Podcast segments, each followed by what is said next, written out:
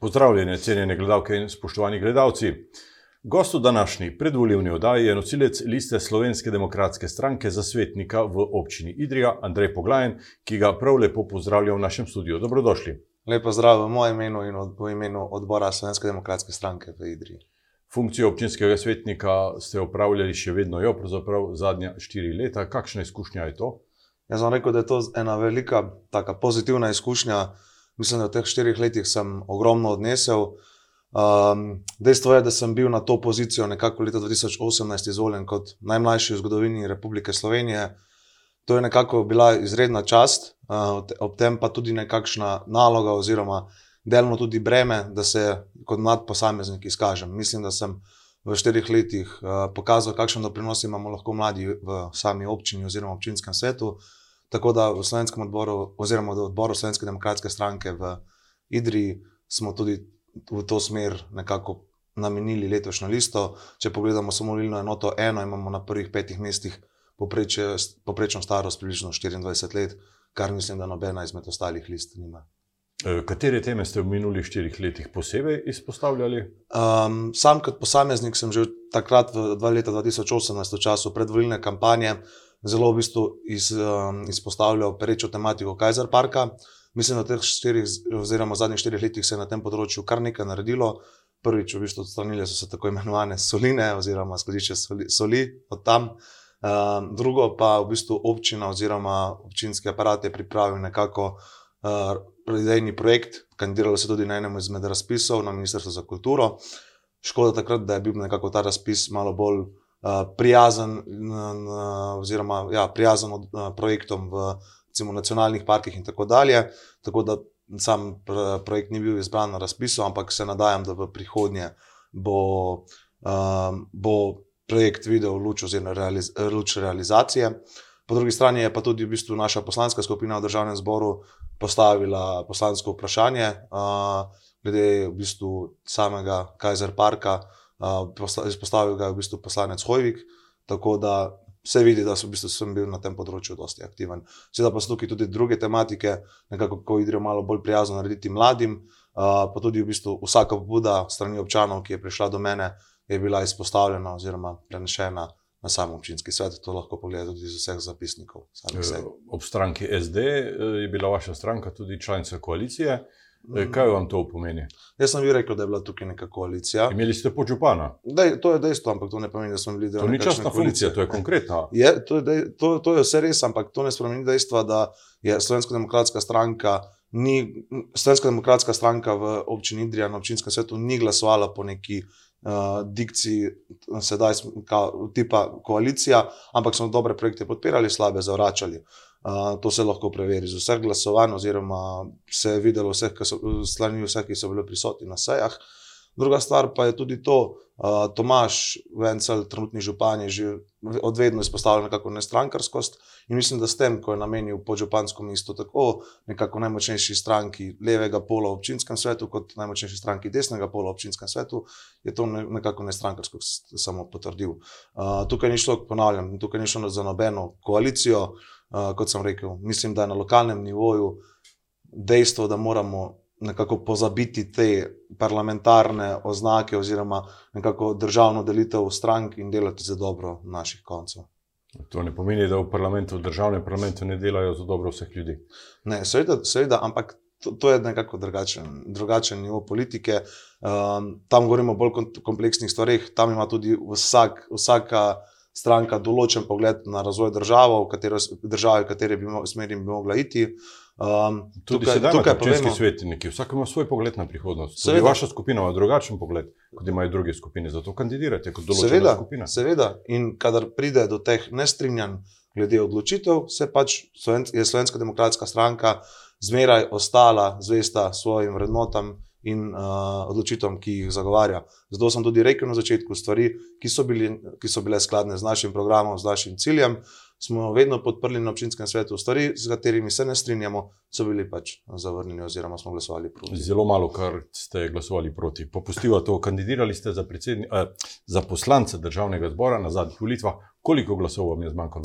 Uh, zdaj, neke zelo podrobne analize, sam nisem delal, približno okoli, nekaj, oziroma približno okoli 100 glasov je falilo, da bi prišlo, nek, bi prišlo nekako do te zamenjave znotraj uh, samega, same liste, znotraj volilne enote, se pravi, bi prehitil, prehitel enega izmed obstoječih poslancev.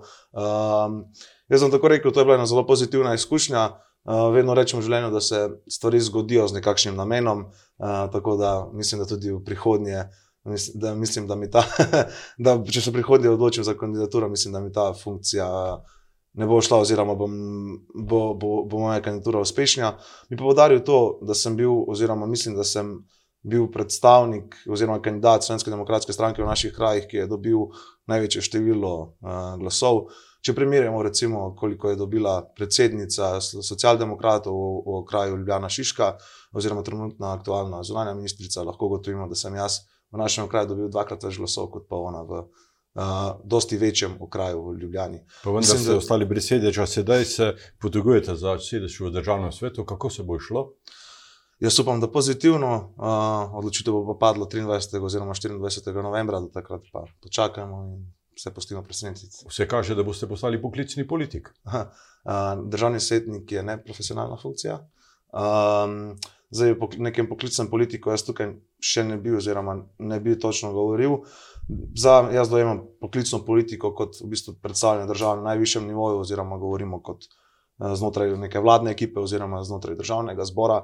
Um, moramo se posvetiti, da vsta, vso to kolesje ima nekako še nekakšno ozadje zraven, ker so strokovni sodelavci in, in podobno. Tam pa pridemo tudi mi, ker nekako pomagamo s svojimi idejami, pobudami, uh, tako tudi kakšno stvar lažje prenesemo do ljudi, ki imajo dejansko mhm. moč odločanja. S čim se sedaj ukvarjate? Uh, v bistvu uh, pomagam znotraj, uh, v bistvu zunanje malo svetujem strani uh, oziroma naši poslanski ekipi. Uh, tako da uh, znotraj tega. Poglejmo, sem, sem se našel. poglejmo še vaše programske poudarke. Eh, na področju stanovanske politike. Zanimivo predlagate gradnjo 50 stanovanskih hiš. Občina naj bi iz EU sredstev plačala komunalno infrastrukturo, eh, družina pa bi plačala 50 tisoč evrov za hišo. Um, to je mamljiva ponudba. Uh, zdaj, mogoče da malo predstavim celoten projekt. Gre za tako imenovani projekt enega izmed evropskih inštitutov BTTV, Back to the Village. Um, v bistvu sama idejna, idejna zasnova tega projekta je zasnovana na tem, da občina imenujemo inštitutu nekako odstopi zazidljivo, uh, zazidljivo uh, zemljišče. Na tem zemljišču se pač določeno število hiš postavi, uh, zdaj omenili ste 50, to je pač znotraj delnega projekta. Uh, ta, to bi moralo tudi v bistvu nekako biti enakomerno razporejeno znotraj občine.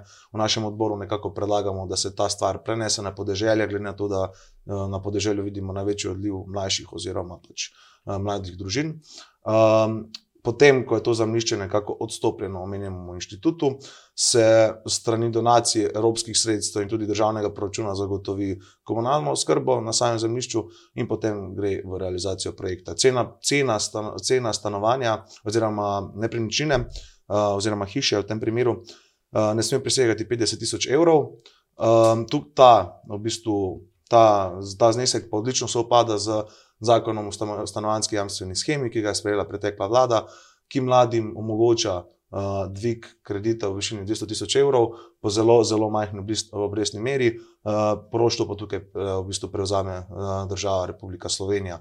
Uh, tako da tudi, je tudi nekako mladim, ki drugače ne bi bili kreditno sposobni, omogočeno to, da v bistvu pridobijo sredstva za nakup prve nepremičnine. Že vidite, kje je na območju občine Idrija primerno parcelo? Ja, v bistvu nekako je bil predlog z naše strani za vratec, glede na to, da tam vidimo nekako dosti vsi pa mladih, pa tudi druge v bistvu um, vasi oziroma pač zaselki bi prišli tukaj v, um, v poštev.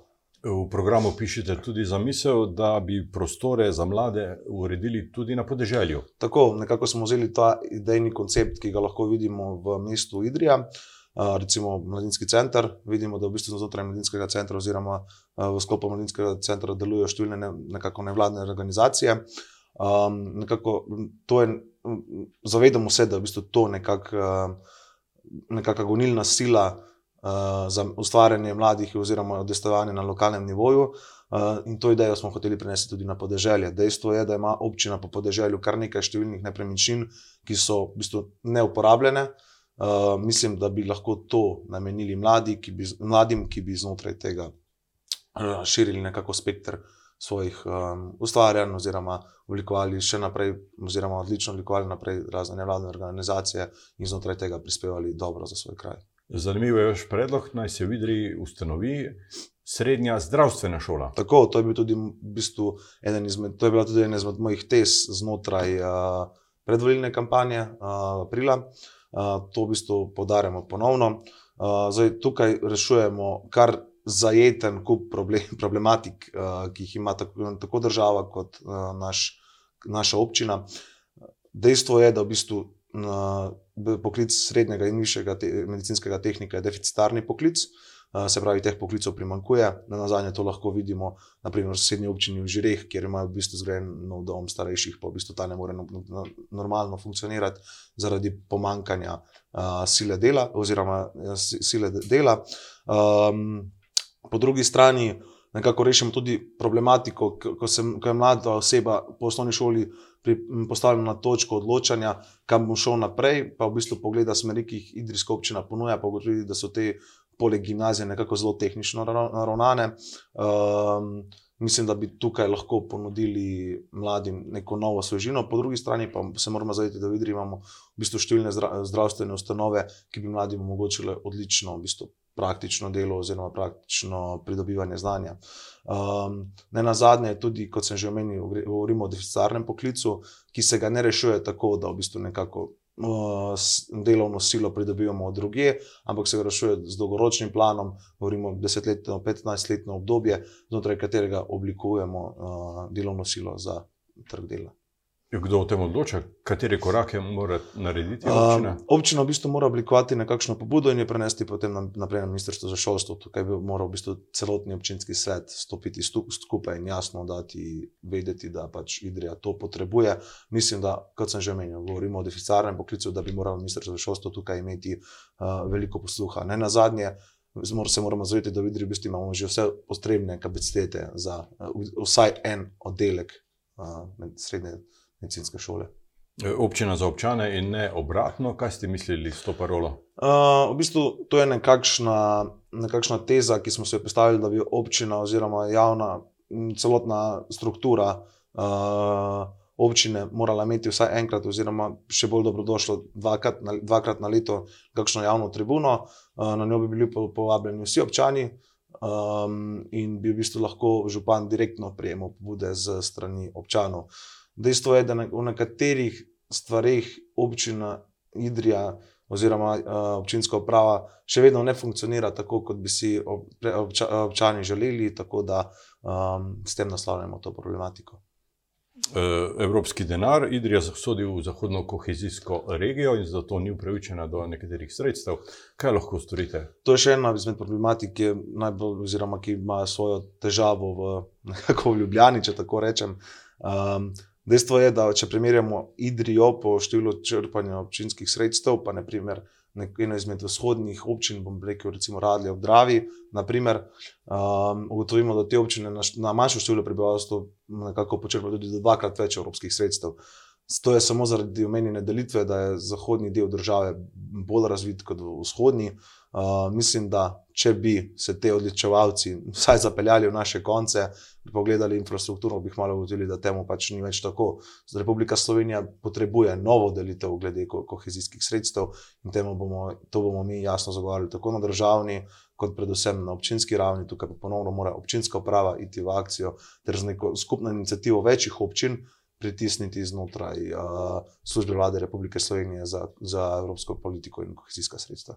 E, optiko vsako stanovanje, tudi na podeželju, optično mreže ni luksus, to je nekaj potrebnega, nujnega.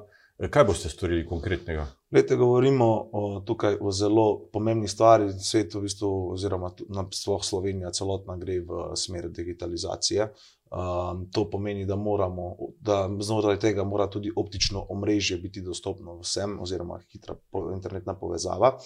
Uh, potrebno se je v bistvu z vsemi ponudniki ponovno sesti za mizo ter oblikovati nek skupen načrt. Uh, dejstvo je, da recimo, če pogledamo sosednjo občino Cerkno, bo imela znotraj državnega proračuna kar nekaj uh, sredstev namenjenih za pokrivanje uh, lis uh, znotraj. Uh, Lis znotraj dograjevanja uh, optične povezave, mislim, da tudi v Idri to potrebujemo in si zaslužimo. Sveda pa v bistvu najbolj nekako pereče to, da v bistvu določene, določene stanovanske objekti znotraj mesta samega še nimajo optične povezave. Če boste vi občinski svetnik, bo? Naša, obči, naša, uh, skupino, v bistvu naša svetniška skupina bo izredno delala, izredno delala na tem, da se to realizira. Športni objekti, modra dvorana, streha pušča, ja. dvoran ni po podeželju. Kakšni so vaši načrti? Zdaj, uh, mislim, da projekt Dvorana na podeželju, govorimo o dvorani v Godoviču in Ledinah, je nekako že vsaj delno vidi luč realizacije, oziroma je na mizi, po domače rečeno. Modra dvorana pa potrebuje temeljito rekonstrukcijo. Uh, mislim, da objekt ustreza samo še minimalnim nekim standardom. Uh, Izvajanje nekih športnih aktivnosti v sami dvorani. Tukaj je potrebno reči nekako Bob Bob in in um, tudi pritisniti ponovno na državo, da zagotovi določena sredstva. Vsi vemo, da pač občinski proračuni, tudi glede na trenutne poprečine, so zelo tesni težko bomo v bistvu nekako celo shajali skozi naslednje leto. Uh, tako da za take projekte mora država pristopiti nasproti občinam in vsaj delno ponuditi financiranje. Um, pa tudi, kot sem ponovno rekel, tukaj pridejo upoštevati tudi evropske sredstva. Ja, Črni vrh naj bi dobil novo, nov gasilski dom. Ja, na zadnji seji občinskega sveta smo nekako tudi uh, to za, začrtali znotraj prostorskega proračuna, uh, prostorskega načrta. Veliko projektov ste omenili, sredstev pa ne, torej, kje dobiti denar? Ja, se, to je bil vedno najbolj pereča stvar. Uh, mislim, da znotraj programa Slovenske demokratske stranke, ki se ga lahko gledalci pogledajo tudi na našem Facebook profilu, um, v bistvu temeljujemo tudi, od, od to, uh, tudi to, odkje bi morala sredstva prihajati. Dejstvo je, da občina kot sama ne, ne more po domače rečeno čarati sredstvi, uh, je, pa, je pa tudi dejstvo ostaja na tem, da pač vemo od, vsi, odkje na proračun občinam prihaja in znotraj tega je potrebno iskati uh, rezerve oziroma uh, apelirati na določene odloč odločevalce. V mandatu, ki se izteka v teh dneh, imate še vedno štiri občinske svetnike. E, kakšna so vaša pričakovanja? Slovenska demokratska stranka je imela že tudi do šest svetnikov. Um, bom rekel, mi bomo močno delali na tem, da, da to ponovimo v naslednjem mandatu. Um, bomo pa z vsakim v bistvu, povečanjem števila občinskih svetnikov zelo zadovoljni in delali še tako bolj kot v preteklem mandatu. E, Andrej Poglajn, hvala lepa za obisk v našem studiu, hvala lepa za ta e, zanimiv, optimističen pogovor in e, dober rezultat na volitvah vam želim. Hvala vam, vse gledalce pa pozivam, da na volitvah obkrožite um, Slovensko demokratsko stranko oziroma svetniško skupino SDS. Hvala lepa. Spoštovane gledalke, cenjeni gledalci, hvala lepa za pozornost in srečno.